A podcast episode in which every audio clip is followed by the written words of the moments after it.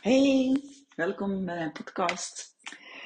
Vandaag wil ik het met jou hebben over ehm, mijn ehm, ontdekkingsreis binnen Tantra.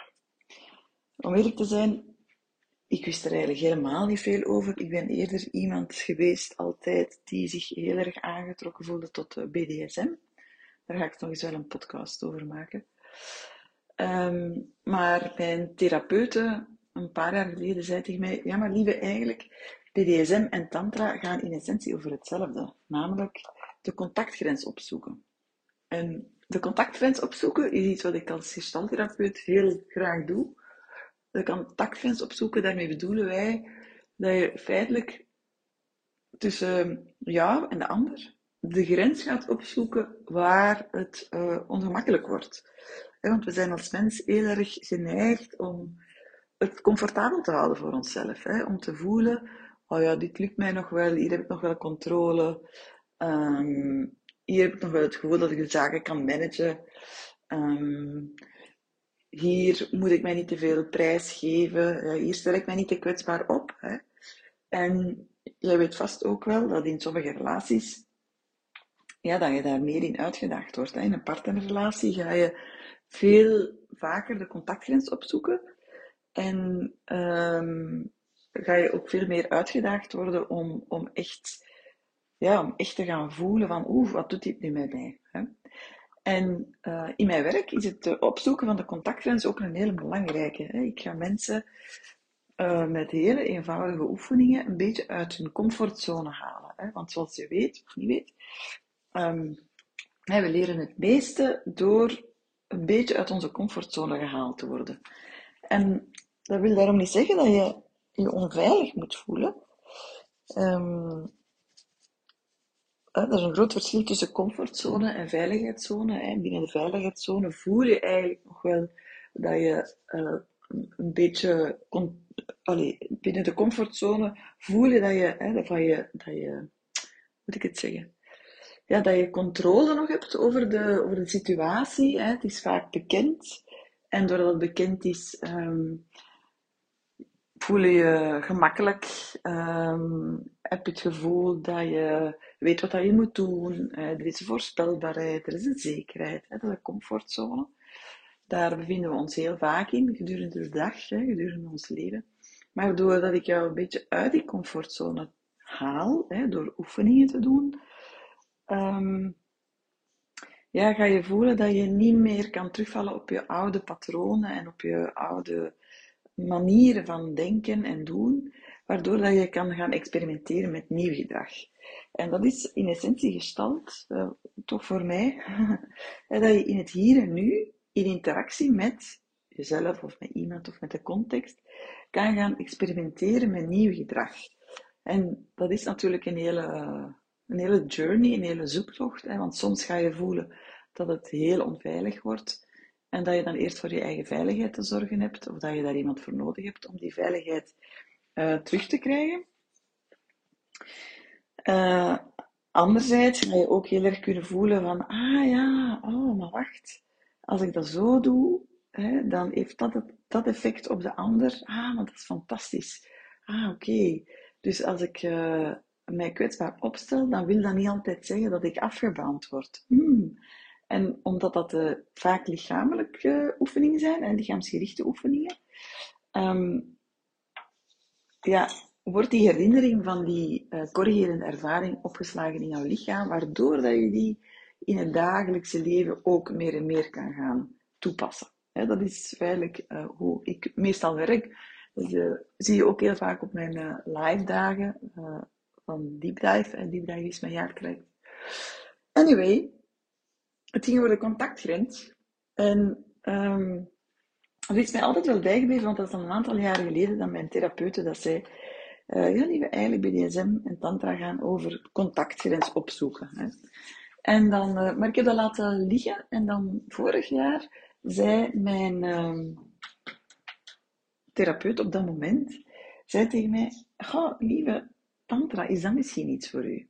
En ik zal dat nooit vergeten, dat was ehm, april april, denk ik, 2021. Um, ehm, zeg ik juist, 2021? Ja, zoiets. En ik ben dat dan direct gaan opzoeken op Google. En ik dacht, ik had één week vrij in eh, de zomer. En ik dacht, nou, laat ons dat eens doen. En ik heb toen een, een week tantra gevonden. En dat was een Vlaamse organisatie, maar die, die, uh, die week ging door in Frankrijk. En dat was eigenlijk, wat er op de website stond, was ontdekken. Hè? Ontdekken, de tantrische energie opwekken. Um, voilà. Ik had niks erover opgezocht. Hè? Dat is ook heel typerend aan mij. Ik ga daar niet 500 keer over nadenken. Ik ga dat niet gaan uitpluizen. Ik ben iemand die heel erg graag in de ervaring springt. En um, ja, ik, ik heb relatief weinig angst. Dus, uh, dus ja, dat is voor mij niet zo moeilijk om dat te doen. En ik verplicht mezelf ook om niet te veel na te denken. Ik zie dat mensen heel veel nadenken over beslissingen over, en heel veel scenario's bedenken. Ja, maar wat als dan en wat als dat en wat als zus en wat als zo. Uiteindelijk weet je niet wat er gaat gebeuren. Hè? Dus het heeft op zich ook heel weinig zin om daar zo lang over na te denken. Dus daar ging ik. Ik was net uh, herstellende van een uh, ernstige uh, beenblessure. dus ik ben opgehaald door iemand. En we kwamen in een centrum uit in Frankrijk. nu, ik ben redelijk gewoon van in zo'n settings te vertoeven, want ik doe zo lang aan, aan zelfontwikkeling. Maar ik voelde toch onmiddellijk dat er een soort, ja, dat er een bepaalde vibe was. Een vibe die ik niet zo herkende. Een vibe van openheid, veel, ja, veel aanraking ook. Um, en ik ben, dat heel, ik ben dat wel gewoon om mensen aan te raken, maar zo bij een eerste contact gebeurt dat niet zo vaak. Enfin, anyway. Hoe is dat daar gegaan? Ja, um, dat is voor mij een hele intense week geweest. Dat was een hele pittige groep, een hele dynamische groep, heel extravert. En dat heeft mij enorm in mijn in mijn schulp doen kruipen, want ik heb, uh, ik heb best wel wat veiligheid nodig. Dus dat is door de begeleiding heel goed ge, ge, geremedieerd. Maar ja, tantra, waar gaat dat eigenlijk over? Hè? Tantra gaat, uh, heb ik daar geleerd, hè, gaat um, over ja, hoe dat je ja, vanuit de interactie, hè, ook met bepaalde oefeningen en opdrachten, kan ontdekken bij jezelf hoe, uh, ja, hoe de seksuele energie door jouw lichaam stroomt. Hè. Tantra gaat er heel erg vanuit dat seksuele energie levensenergie is. Hè. Dat, dat, dat is. Ik geloof daar ook heel erg in. Dat is ook hetgene wat ik heel erg um, voordien al gevoeld had. En voor mij is Tantra wel een beetje thuiskomen geweest, omdat daarin heel veel van mijn visie, visies samenkwamen. Hè dat seksuele energie, levensenergie is bijvoorbeeld, is voor mij een hele belangrijke. En, um, en, dat, en dat, dat, is ook iets wat ik heel erg wil vertalen naar, naar, naar jou, maar ook naar veel meer mensen in de wereld. dat we niet bang moeten zijn voor wat we voelen, voor die energie die we voelen. En ik zie dat ja, door allerlei trauma en kwetsuren, dat die energie feitelijk voor veel mensen too much to handle is. En dat ze heel erg bang zijn om zich daarin te verliezen. Um, dus daar is dan een hele weg in te gaan. Maar uh, wat dat ook voor Tantra heel belangrijk is, is dat hè, zodra dat die energie vooruit mag stromen, ja, dat daar niet per se een uh, rem moet opgezet worden. Nu, um, Tantra en polyamorie gaat zeker niet altijd samen. Het gaat, het gaat heel erg over welke keuze dat je daarin maakt. Maar voor mij was het wel heel bevrijdend om te voelen dat dat oké is. Hè. Nogmaals, komt dat op mijn pad, hè, dat polyamorie een, een optie is. En met polyamorie bedoelen niet met zoveel mogelijk mensen seks hebben, maar wel dat de liefdesenergie, dat die gewoon, dat die mag stromen. En dat daar geen rem moet opgezet worden. Hè. Dat vind ik op zich, vond ik een hele ontdekking.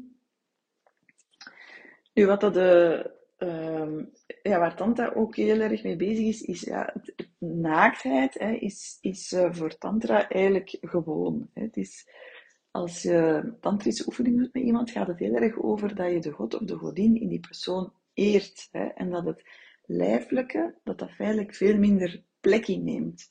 En uh, ik, heb, uh, ik ben groot geworden in een, in een heel katholiek nest.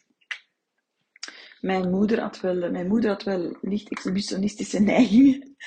Die, die, ze, ze, ze vond het helemaal oké om naakt rond te lopen. En of dat de ramen nu open stonden of, de gordijnen nu open waren of niet, dat maakte me allemaal niks uit.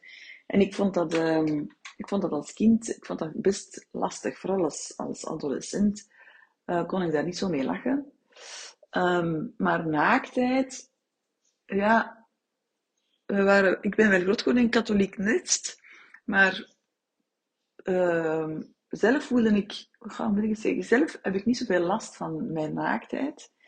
Maar ik, uh, ik voelde wel dat ik daardoor heel erg geïndoctrineerd was van thuis uit. Mijn vader is streng katholiek. We gingen elke week naar de mis. Uh, naaktheid, seks en zo, dat was uh, uit het boze. Maar ik heb bij mezelf altijd gevoeld als kind dat dat eigenlijk wel oké was en normaal was. Maar ik voelde bij mezelf op die tantra-week dat daar toch wat, ja, wat, wat kramp op zat. Zo. Ik voelde wat schroom. Ik merkte dat ik heel erg in mijn hoofd kroop.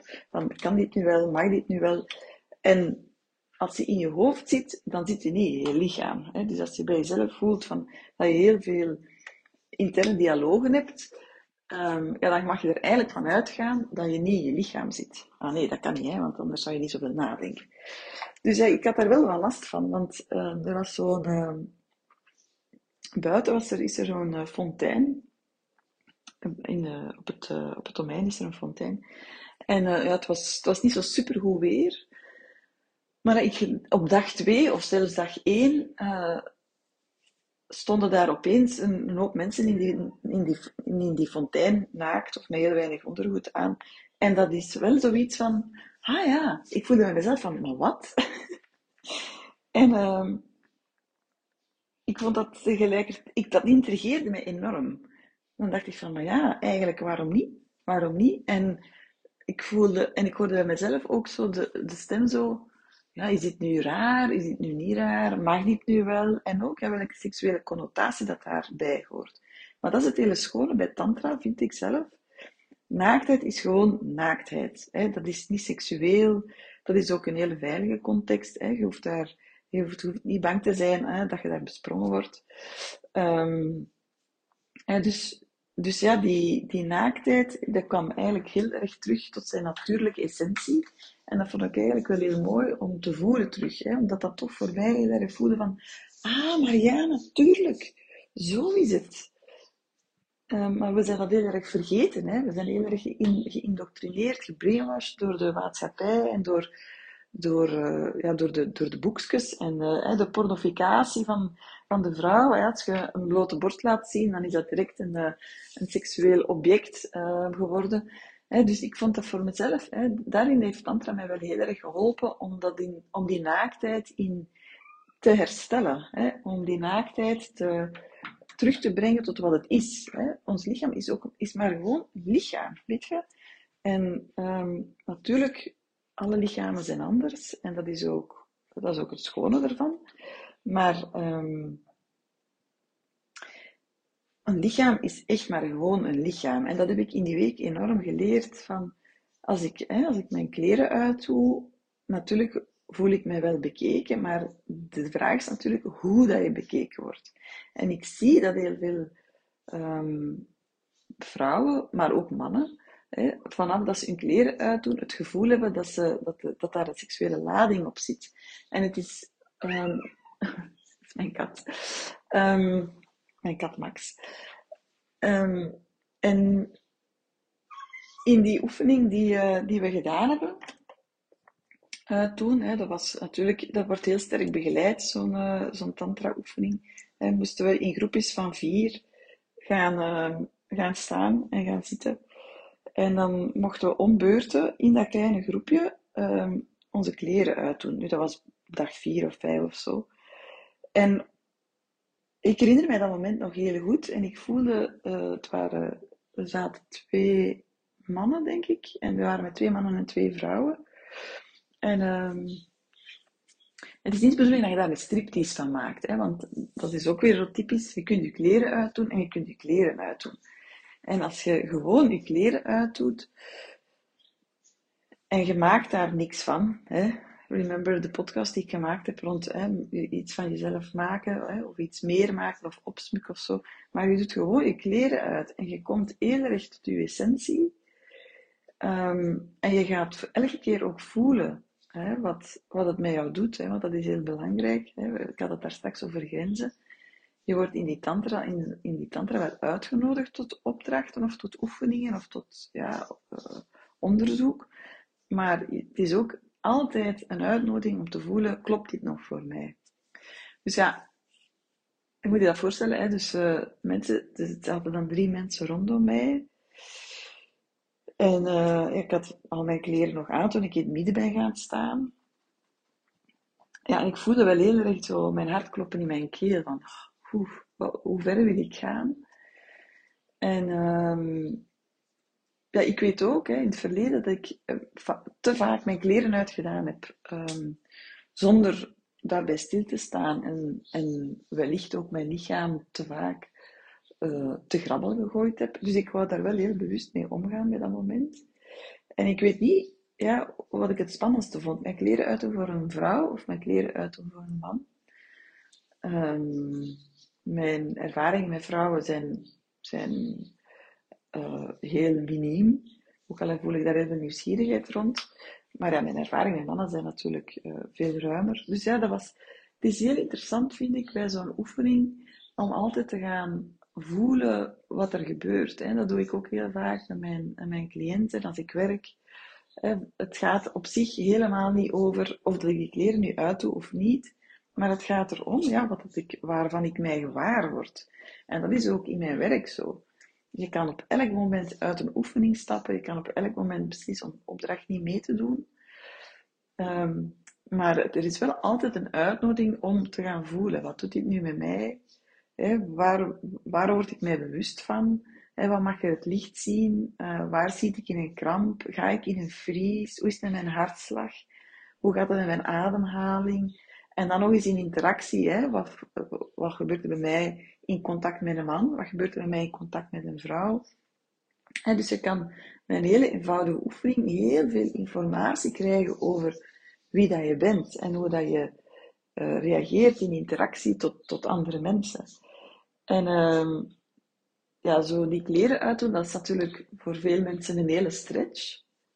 Uh, zeker niet iedereen heeft alle kleren uitgedaan. En ik ben, uh, ik ben zelf, ik heb uh, mijn BH uitgedaan, maar ik heb mijn slipje aangehouden. Omdat dat voor mij, uh, voor mij voelde het eerder bevrijdend van die grens te bepalen, dan het bevrijdend was geweest om mijn kleren uit te doen. Omdat ehm, ja, de vrijheid zit ook in het, in het eh, voelen van je grenzen. als we geen grenzen voelen, ja, dan is er eigenlijk ook niks aan. Dat is ook het hele, het hele discours van grenzeloosheid. Als je geen grenzen hebt, dan is alles oké. Maar als alles oké is, hoef je ook nooit nee te zeggen, hoef je ook niks te voelen, hoef je ook nooit te, jezelf af te vragen van ja, wil ik dit nu wel en kan dit nu wel. Dus um, ik vind het, uh, de, voor mij zit vrijheid in het voelen van, van mijn grens en van wat ik wil en wat ik niet wil. Uh, nadien heb ik, hè, heb, ik, heb ik wel mijn kleren uitgedaan, heb ik ook in die fontein gestaan en was er een andere oefening en zo. Dus dat is het punt allemaal niet. Het is niet dat ik dat niet kan. Maar op dat moment wou ik dat echt niet. En um, ik vind dat heel... Uh, voor mij was dat wel een hele eye-opener. Dat, je, dat ik kon voelen, ik wil dit niet en dat is oké. En ik word daar niet op afgerekend. En ik ben dan niet zo de, de flauwe tracebeest ik, allez, ik vind ook dat Tantra heel erg uitnodigt tot uh, zelfreflectie. Voor mij is Tantra eigenlijk een weg naar bewustzijn. En uh, bewustzijn over mijn lichaam natuurlijk, maar ook bewustzijn over mijn grenzen, over um, wat ik belangrijk vind, hoe ik met mensen wil omgaan. Um, um, ja, hoe ik naar mijn lichaam kijk, maar ook natuurlijk ja, hoe ik mij seksueel verhoud tot, uh, tot mensen en welke plek seksualiteit voor mij, uh, en welke plek seksualiteit voor mij inneemt in mijn leven.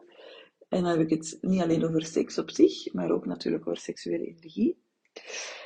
Dus um, ja, daar heeft die week uh, Tantra me heel erg in geholpen. Dus ja, wat hebben we daar gedaan? We hebben heel veel opdrachten gedaan, we hebben heel veel gedanst, we hebben veel bewogen.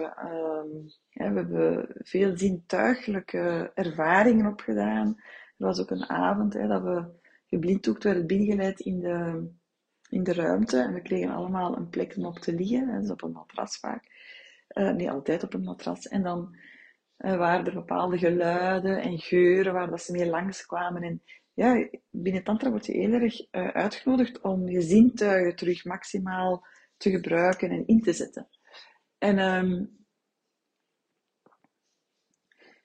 ja, wat, ik, wat daar heel erg naar boven gekomen is uh, tijdens die week, is um, ja, dat ik soms getriggerd kan worden, en ik, ik gebruik dat woord eigenlijk niet meer. Hè.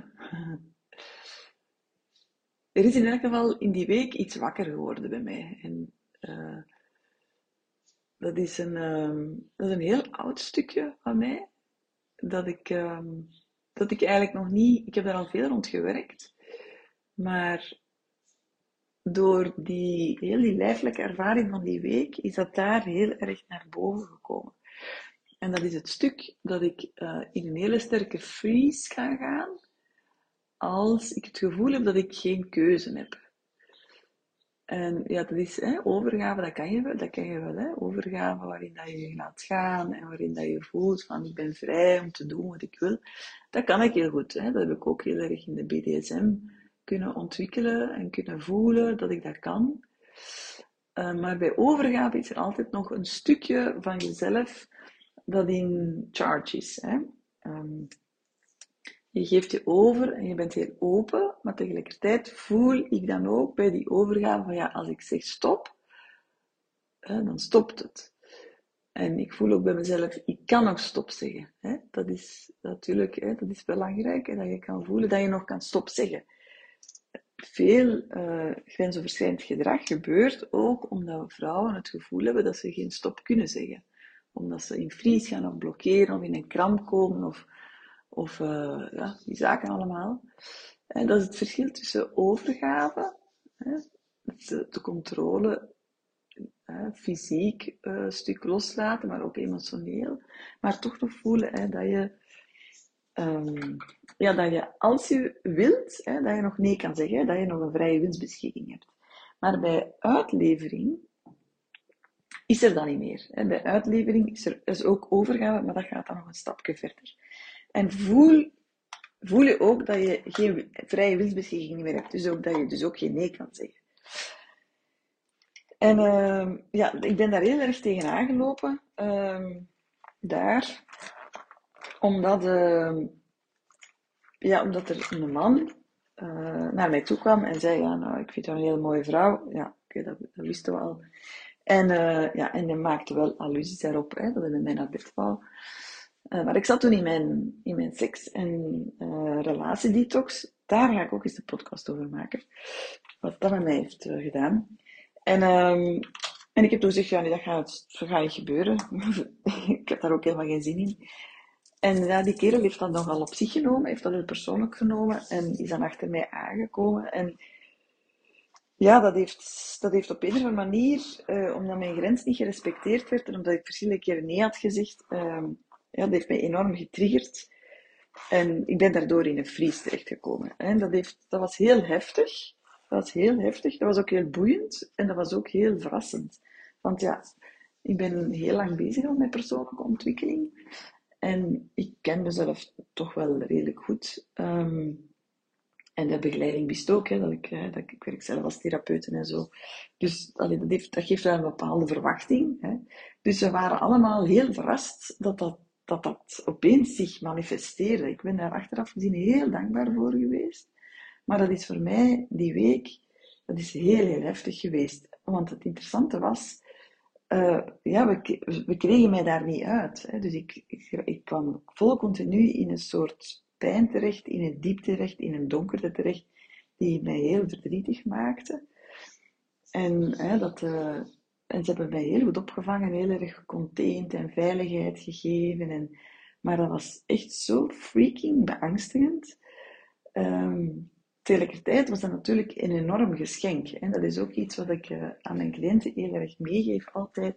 Van durf te kijken naar jezelf en naar alles wat er voorbij komt als zijnde een geschenk. Veel mensen zeggen dan tegen mij, maar hoe het nu mogelijk dat ik dat weer tegenkom en hoe het mogelijk en uh, wat voor een hopeloos geval ben ik en dat is toch altijd hetzelfde met mij en dat is toch niet normaal.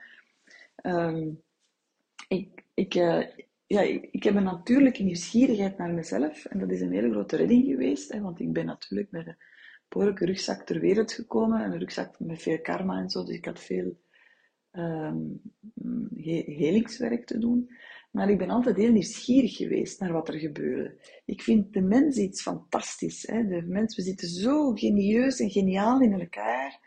En ah, al die trouwens en kwetsuren en die dynamiek en het systeem, hoe dat allemaal werkt, die interacties.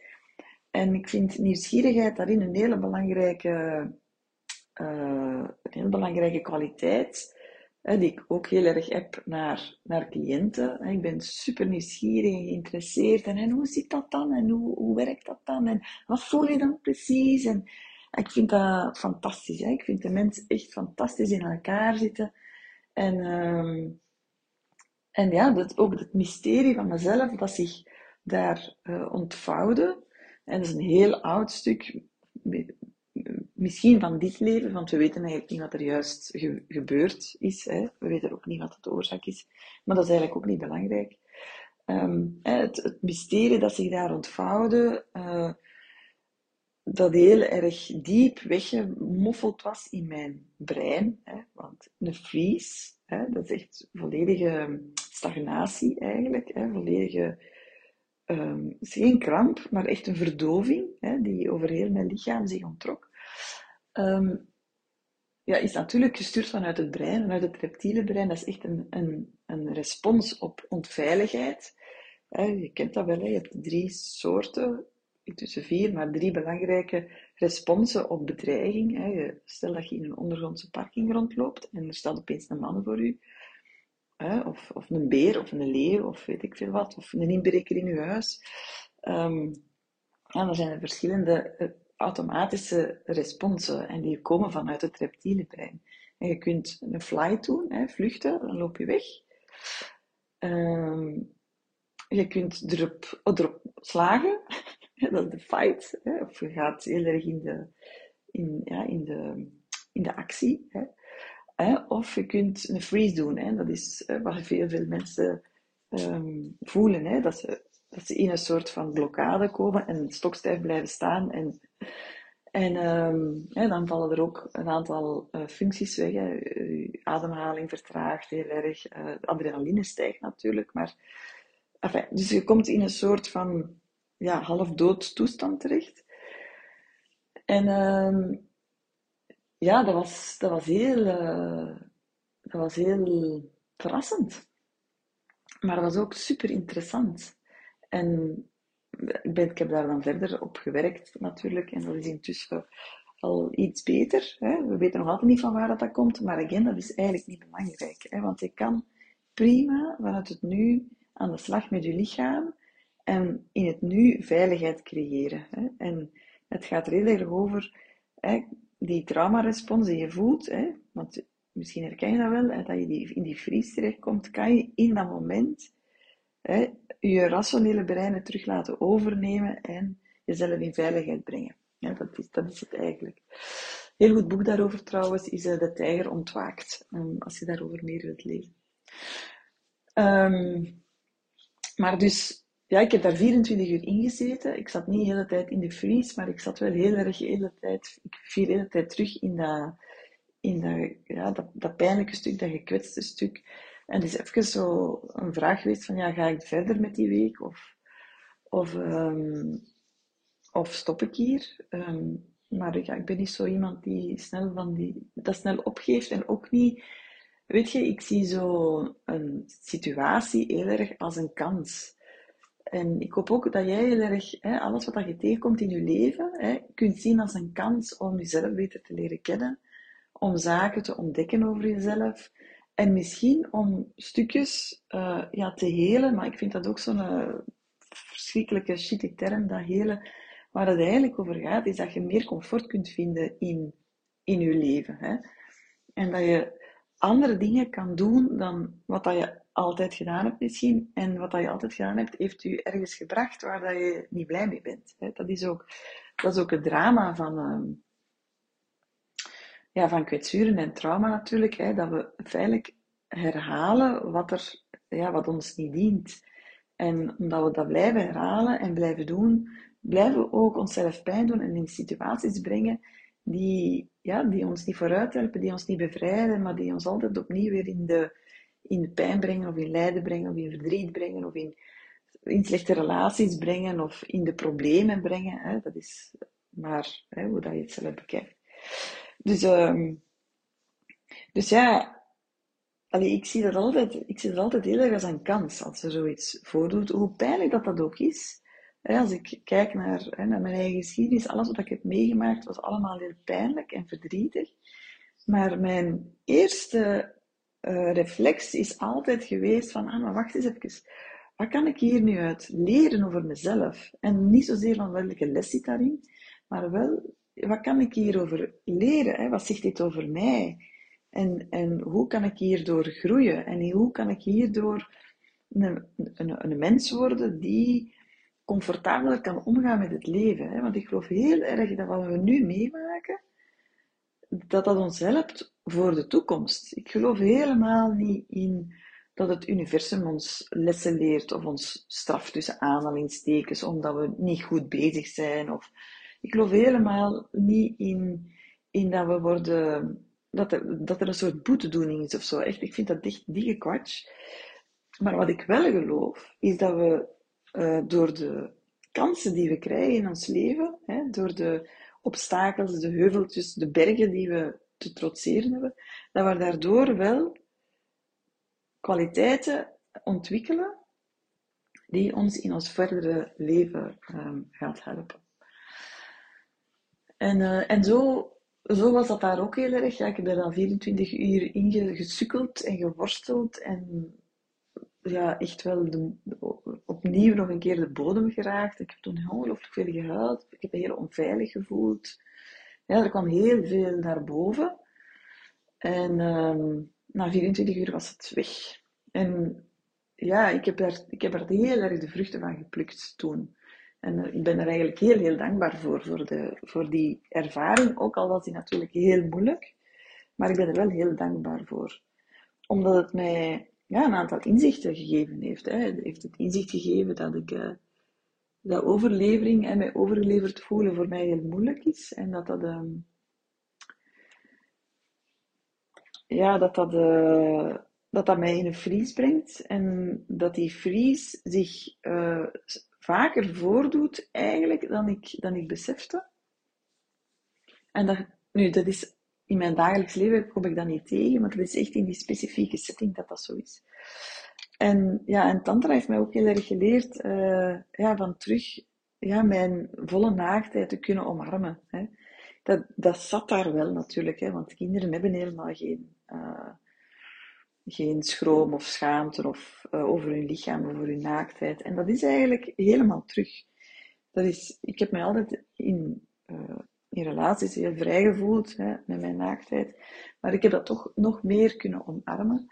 En dat heeft zich gewoon hersteld in mijn brein. Hè, van naaktheid is oké. Naaktheid is geen, niet pornografisch. Naaktheid is niet seksueel. Maar naaktheid is gewoon natuurlijk. Is gewoon, that's who we are.